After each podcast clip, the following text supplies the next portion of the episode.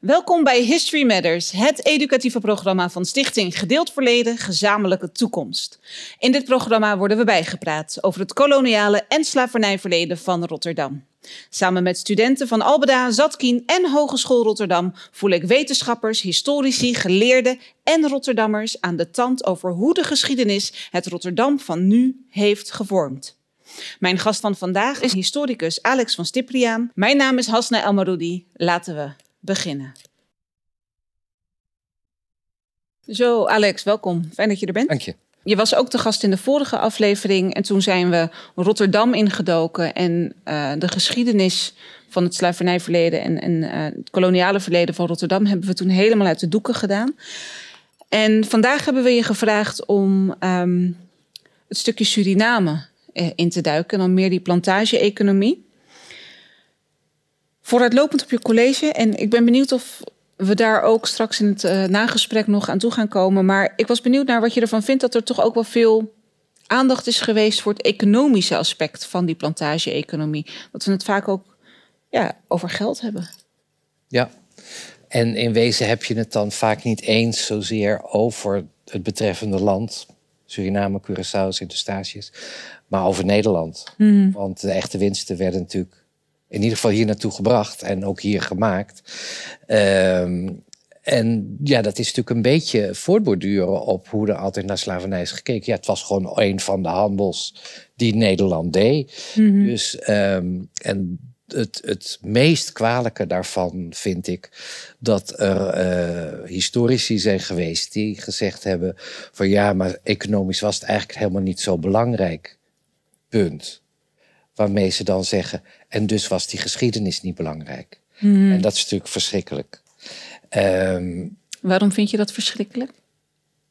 Omdat wat er gebeurd is een verschrikkelijke geschiedenis is. Mm. En alleen omdat het Nederland misschien minder winst heeft opgebracht dan gedacht, is het dan niet meer verschrikkelijk? Of is het dan niet meer belangrijk?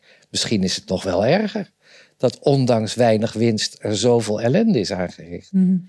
Dus, um, maar dat klopt. Het is, het is um, Kijk, geschiedenis als vak verandert natuurlijk ook heel erg. Hè. Vroeger was, zoals Amerikanen dat willen zeggen, uh, geschiedenis was uh, history of dead white males. Mm. En dan liefst ook nog alleen koningen en generaals. En uh, dat is het niet meer. Dus um, daar is een enorme verandering in gekomen.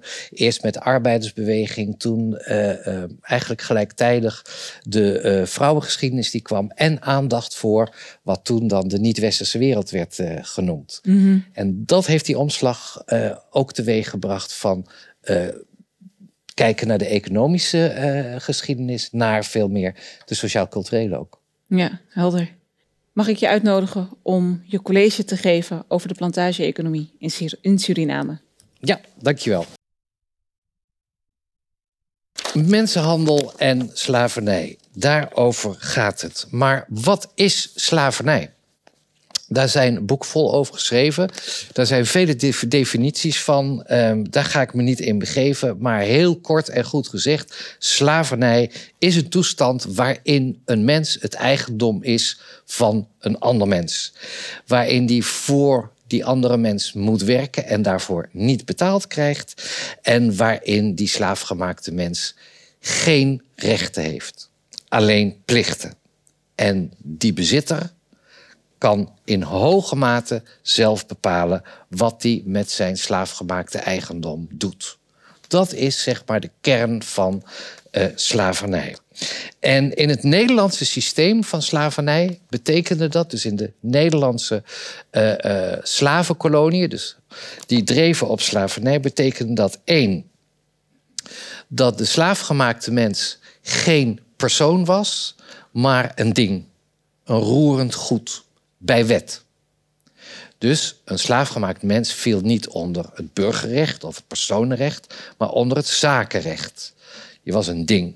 En tweede is dat afgezien van de doodstraf, een eigenaar van een slaafgemaakte kon doen en laten wat hij wilde met zijn bezit.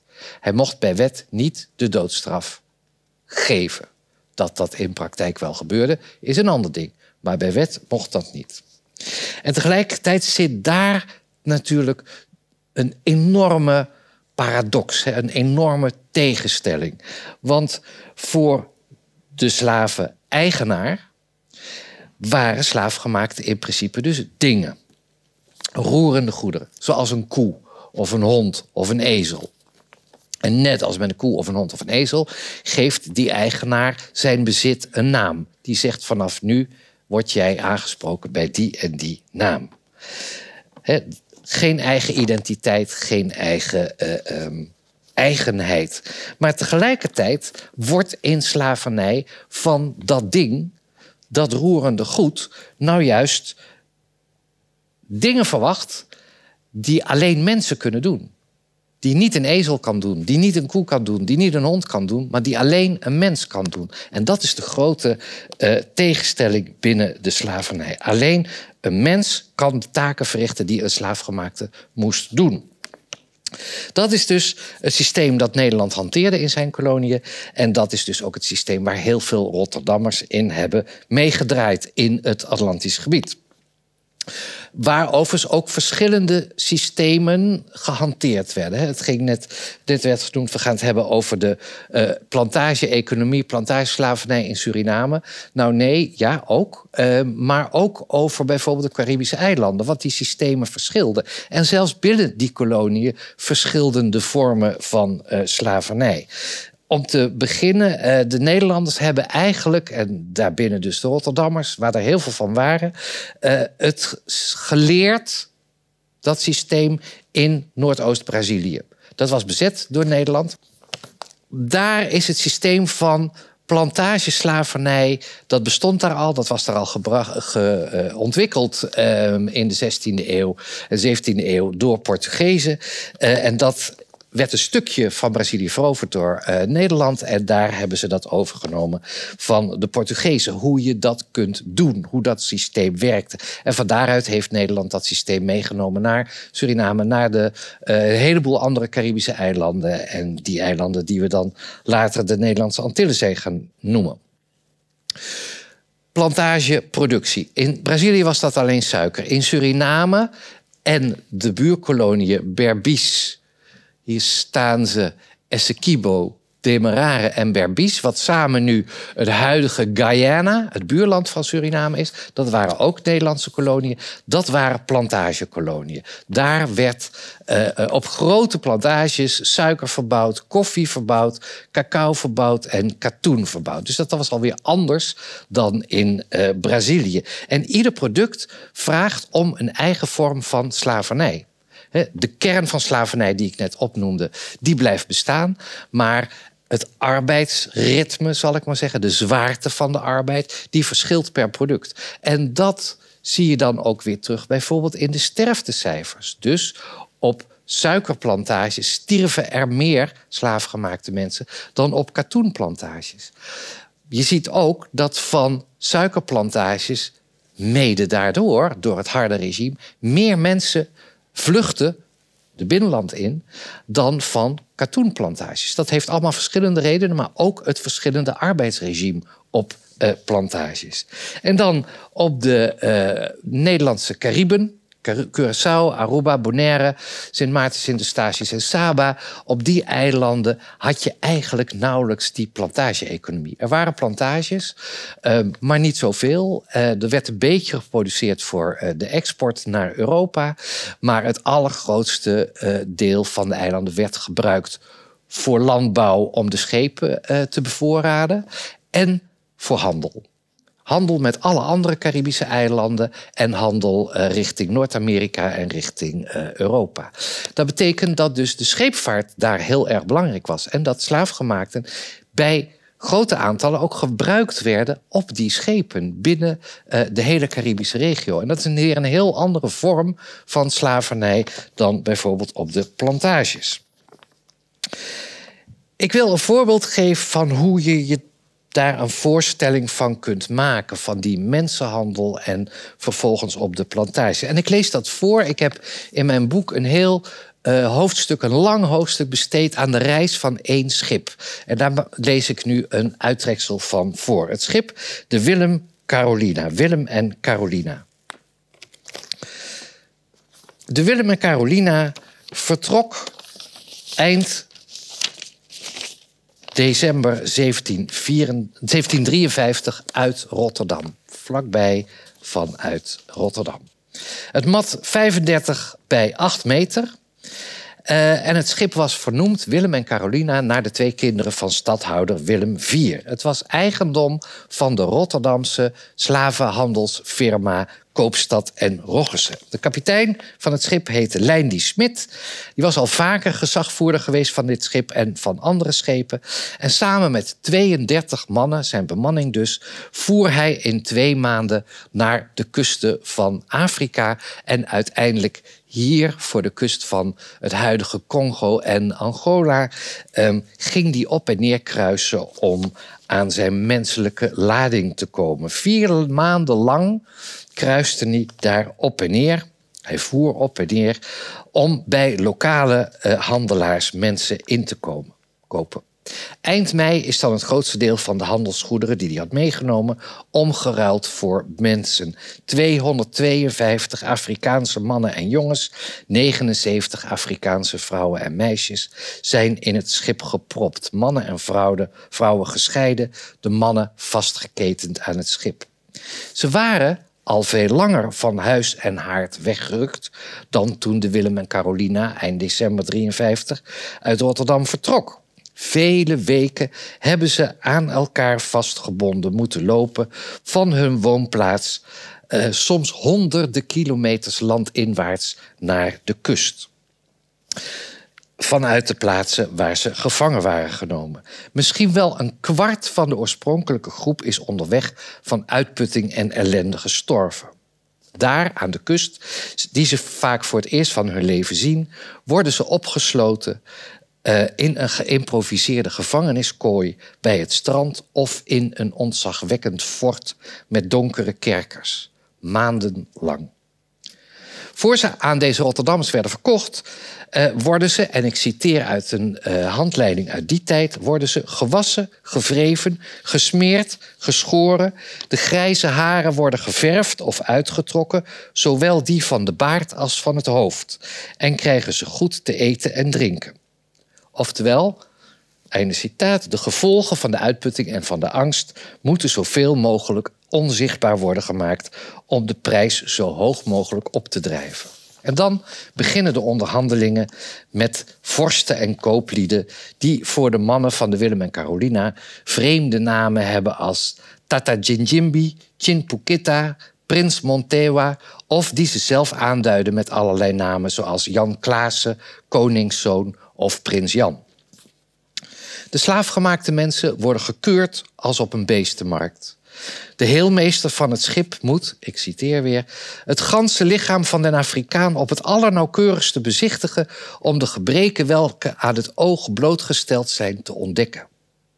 Hij moet hem betasten, doen lopen, springen, de armen en vingers en voeten bewegen om hierdoor ten volle verzekerd te zijn dat hij niet mank gaat. Als ze dan, einde citaat, als ze dan goedgekeurd en aangekocht zijn, worden ze gebrandmerkt met het merkijzer, in dit geval de C en de R van Koopstad en. Ook daarvoor waren nauwkeurige instructies, namelijk op de rechterbovenarm, waarbij de plek eerst met kaarsvet of palmolie moest worden ingevet en het brandijzer niet heter mocht worden gemaakt dan dat het een papier bij lichte aanraking rood zou laten opgloeien. Citaat, hierdoor voorkomt men ongemak voor de slaven, oftewel ontstekingen en zweren, wat opnieuw de koopwaar in waarde zou doen dalen. Alles wat ze vertrouwd is in hun leven zijn ze kwijt. Ze weten niet waar ze naartoe gaan. De mensen die naast hen liggen geketend spreken een andere taal, de bemanning van het schip ook. Bovendien zien die er angstwekkend uit en het gerucht gaat dat ze door hen opgegeten zullen worden. In 64 dagen zeilden ze naar Suriname. Ruim twee maanden. Twee maanden de stank van zweet, urine, diarree, braaksel. Twee maanden lang de kans op onverwachte zweepslagen. Twee maanden lang de mogelijkheid te worden verkracht. Het ruim waar de vrouwen liggen, al weten ze dat niet, wordt door de bemanning het hoerengat genoemd. Dat zal niet voor niets zijn geweest. Aangekomen in uh, Suriname in dit geval. En een deel van het schip gaat later weer door naar Curaçao. Um, worden de slaafgemaakten naar verkocht, opnieuw verkocht. Ze wordt opnieuw krijgen ze een brandmerk in hun borst, uh, dit keer gedrukt. Uh, alweer word je bekeken als een koe op de beestenmarkt, een koe voor de verkoop. Alweer de gillende pijn en de geur van verschroeid vlees, uh, die je inmiddels misschien vertrouwd is geworden. Je bent opnieuw verkocht, al weet je niet wat dat betekent. En in plaats van Kwamina, Jaba, Afiba of andere Afrikaanse namen, word je voortaan Goliath, Winst of Trui of Monkey genoemd. Vervolgens word je naar een plantage gebracht en moet je daar de rest van je leven en de volgende generaties blijven werken. De enige beloning die je krijgt is de zweep. De zweep is het symbool van de beloning. Natuurlijk, er wordt gezorgd voor eten en er wordt gezorgd voor onderdak. Al moet je dat vaak zelf ook uh, bouwen en al moet je dat voedsel zelf ook verbouwen. Maar de belangrijkste arbeidsprikkel tegenwoordig is geld. Toen was dat de zweep. Voor alles kun je straf krijgen. Dat gebeurt niet op dagelijkse basis, maar de dreiging van geweld hangt er 24/7. Altijd. Zelfs als je de plantage verlaat om s'nachts bij iemand waar je verliefd op bent geworden op de buurplantage. Om daar de nacht bij door te brengen. En je wordt erop betrapt dat je de plantage hebt verlaten. Kon je in de 18e eeuw bij terugkomst 80 zweepslagen krijgen op het onderlijf. Ik zei het al, het maakte wel uit waar je terecht kwam. Op wat voor soort plantages in Suriname op welke van de Caribische eilanden. Curaçao en Sint-Eustatius, um, daar, daar werd wel gesproken van plantages, maar eigenlijk waren dat meer een soort hacienda's. Waar wij, 10, 20 mensen werkten. Uh, vooral in de kleinlandbouw voor de uh, uh, lokale voorziening. Het was veel meer de handel die daar een rol speelde. Op Sint Maarten en op Bonaire, daar sprak men van zoutplantages. Dat waren natuurlijk geen plantages, maar er werd zout gewonnen uit de zee. Uh, heel belangrijk, tot de dag van vandaag is een groot deel van het zout wat je langs de snelwegen ziet, wat in de winter wordt gestrooid, komt van Bonaire. Dus die link loopt er nog steeds. Um, maar er werd ook veeteelt uh, en andere dingen. En dus de scheepvaart. De helft van de slaafgemaakten op Curaçao zat in de scheepvaart. En had een heel andere vorm van slavernij dan degene die in de landbouw moesten werken.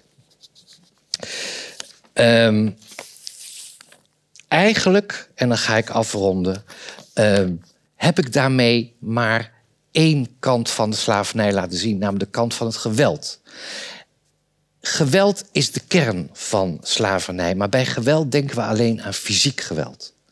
Maar geweld bestaat voor een heel groot deel, en misschien is dat zelfs het best werkende deel als je een ander wilt onderdrukken, uit psychisch geweld, uit mentaal geweld.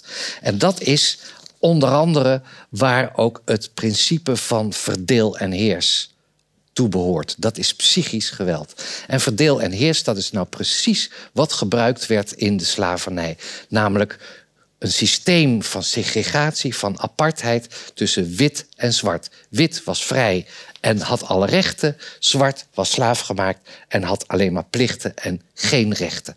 Dat is langzaamaan veranderd. Um, maar dat was in principe de vorm van slavernij. En verdeel en heers, verraad werd beloond. Uh, strijd en opstand werd gestraft. Mensen werden 2,5 eeuw lang tegen elkaar uitgespeeld. Dat is verdeel en heers en dat is psychische slavernij. En dat gebeurde onder andere ook, en dat is het grote verschil met een heleboel andere systemen, zoals we dat noemen, deze vorm van slavernij was een puur en alleen geracialiseerde vorm van slavernij. wit had de macht, zwart uh, was daarvan uitgesloten. Langzaamaan zie je, hè, witte mannen uh, uh, maken kinderen bij zwarte vrouwen. Vaak ook weer met geweld. Zeker niet altijd. Vrouwen hebben dat ook wel gebruikt om uh, hun vrijheid te kunnen krijgen. Dus er ontstaan mixen tussen zwart en wit. En dat werd allemaal keurig bijgehouden. Er werd een systeem gemaakt van. Um, dat staat hier in, in dit staatje. En dat kun je in heel veel literatuur uit die tijd terugvinden. Um, de mulatten ontstaan uit de vereniging, het samenkomen van een blanke met een negerin. Dat zijn de termen die toen gebruikt werden. Uh, de volgende categorie zijn mestiezen, kastiezen, poestiezen. En die zijn dan bijna wit en die zijn dan bijna horen tot de hoogste klasse, um, et cetera. Dus een raciale vorm van onderdrukking, die tegelijkertijd uh, um, een hiërarchie van onder tot boven uh, aangeeft. Hoe zwarter, hoe lager in de hiërarchie. Dat is het systeem wat toen uh, is ingevoerd en ingeplant. Dat is wat de Atlantische slavernij zo uitzonderlijk maakt.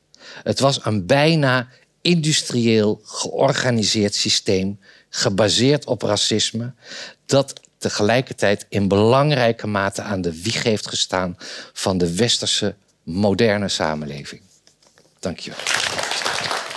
Kennis over het verleden is heel belangrijk. Daar draait heel dit programma over. Ook om reflectief te zijn naar uh, het heden. En nou ja, een groot deel van het heden, van de mensen die de toekomst gaan maken, zijn uh, de studenten. En daarom werken we bij History Matters samen met studenten van Albeda, Zatkien en de Hogeschool Rotterdam. Ze hebben in aanloop naar dit programma uh, les gehad van onze redacteuren en hebben een aantal vragen voor je voorbereid.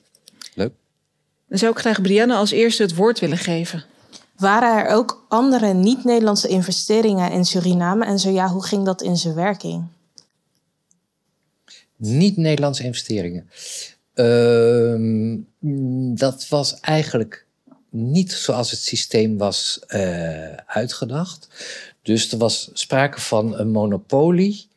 Dus het alleenrecht van Nederlanders uh, op investeren of ondernemen in Suriname. Dus die plantages die waren in principe in handen van uh, Nederlanders. Maar of mensen, laat ik het zo zeggen, die via Nederland daar naartoe waren gegaan. Maar dat waren voor een groot deel migranten. Die kwamen, dat waren uh, Joodse vluchtelingen uit Spanje en Portugal. Franse vluchtelingen en Vlaamse vluchtelingen. Die voor de katholieke kerk waren gevlucht omdat ze protestants waren. Uh, Duitsers, die vluchtelingen, maar die gewoon hun geluk gingen beproeven in uh, Suriname. Zweden, Nooren, Italianen. Dus het was, bijvoorbeeld Nederlands was een minderheidstaal in Suriname. Vandaar dat de taal van de slaafgemaakte de belangrijkste taal werd. Het Sranang Heel anders dan op Cuba, de grootste slaveneconomie in het Caribisch gebied. Daar sprak iedereen Spaans, want de helft van de bevolking was Spaanstalig. En dat was in de Nederlandse koloniën niet. Dus um, er werd, kwam wel geld, investering van buiten, maar niet zoveel. Dat was op de eilanden, zoals Curaçao en Sint-Eustatius, anders. Daar werd wel door uh, allerlei buitenlandse handelaars ook geïnvesteerd. Omdat het ook meer een handelspost uh, ja. was. Ja, helder. Ja. Dan wil ik graag de vraag van Bilal. Ja, mijn vraag is: wat was het effect van de kolonisatie op de inheemse bevolking? Dramatisch echt dramatisch. Um, op Curaçao, uh, de, de, Caribische eilanden zijn altijd bevolkt geweest door inheemse volken. Um, de Cariben is een belangrijk inheems volk. Uh, dus die voor niks heet die hele regio zo. op Curaçao zijn ze domweg getransporteerd. Um, dan wel verdreven of uh, uh, vermoord in, in Suriname. Uh, hetzelfde verhaal. Um, naar de marge van de samenleving verdreven of diep het binnenland ingedreven. dan wel um, in een oorlog of diverse oorlogen um, verslagen en voor een deel vermoord. Dus dat is de geschiedenis van uh, alle inheemse volken in de Amerika's. En voor een deel natuurlijk ook het, het bekende verhaal door ziektes die daar niet uh, uh, inheems aanwezig waren, zoals pokken en mazelen en gele koorts. Ehm, zijn ze, die door de Europeanen werden meegenomen, zijn ze ook in grote aantallen overleden. Ja. Maar een dramatisch verhaal. Ja. Tot slot dan nog Gabrielle. Hoe zag een rechtszaak tussen tot slaafgemaakte en een plantagehouder eruit? Heel eenzijdig. Uh, tot bijna het eind van de slavernij um, had een slaafgemaakte eigenlijk geen recht om een slavenhouder of slavenmaker, hoe je het wil noemen, uh, aan te klagen. En op een gegeven moment kwam dat recht er wel. Um, maar als je deze kleur had, dan stond je in je recht. En als je Yanga's kleur had, dan stond je niet in je recht. En uh, moest je maar bewijzen dat je uh, gelijk had. In principe was het rechtsstelsel erop gebaseerd. Uh, een Afro-Surinamer, Afro-Curaçaoenaar, Afro-Statiaan heeft geen rechten. en heeft dus niet gelijk. En, um, en dat was natuurlijk ook wel logisch in een systeem waarbij de slaafgemaakte mens een ding was. Een, ding kan, een hond kan geen recht halen. Of een koe. Dus in dat systeem was het ook logisch dat dat niet kon. En later kon dat wel vanaf de jaren 1820, maar bleef het een heel ongelijk uh, systeem. Van daarvoor zijn er geen verhalen bekend waarbij een tot slaafgemaakte een rechtszaak heeft gewonnen. Nee, een slaafgemaakte. Nou, uh, er zijn. Uh, er zijn rechtszaken met name van slaafgemaakten die naar Nederland zijn gegaan om hun recht te halen. Op alle mogelijke manieren, als verstekeling op een schip. Uh, en ze moesten maar zien dat ze in Nederland kwamen. Daar zijn wel verhalen van, uh, mm. documenten van, dat ze hun recht ook gekregen hebben. En daarbij, het moment dat ze in Nederland kwamen, binnen zes maanden, waren ze vrij mens. Want hier bestond geen slavernij. Um, dus er zijn een paar voorbeelden, maar dat zijn echt de grote, grote uitzonderingen. En hiermee zijn we aan het einde gekomen van dit deel van deze aflevering. Wil je alles nog eens op je gemak terugkijken? Dan kan dat op historymatters010.nl. Mijn naam is Hasna Elmaroudi. Graag tot de volgende keer.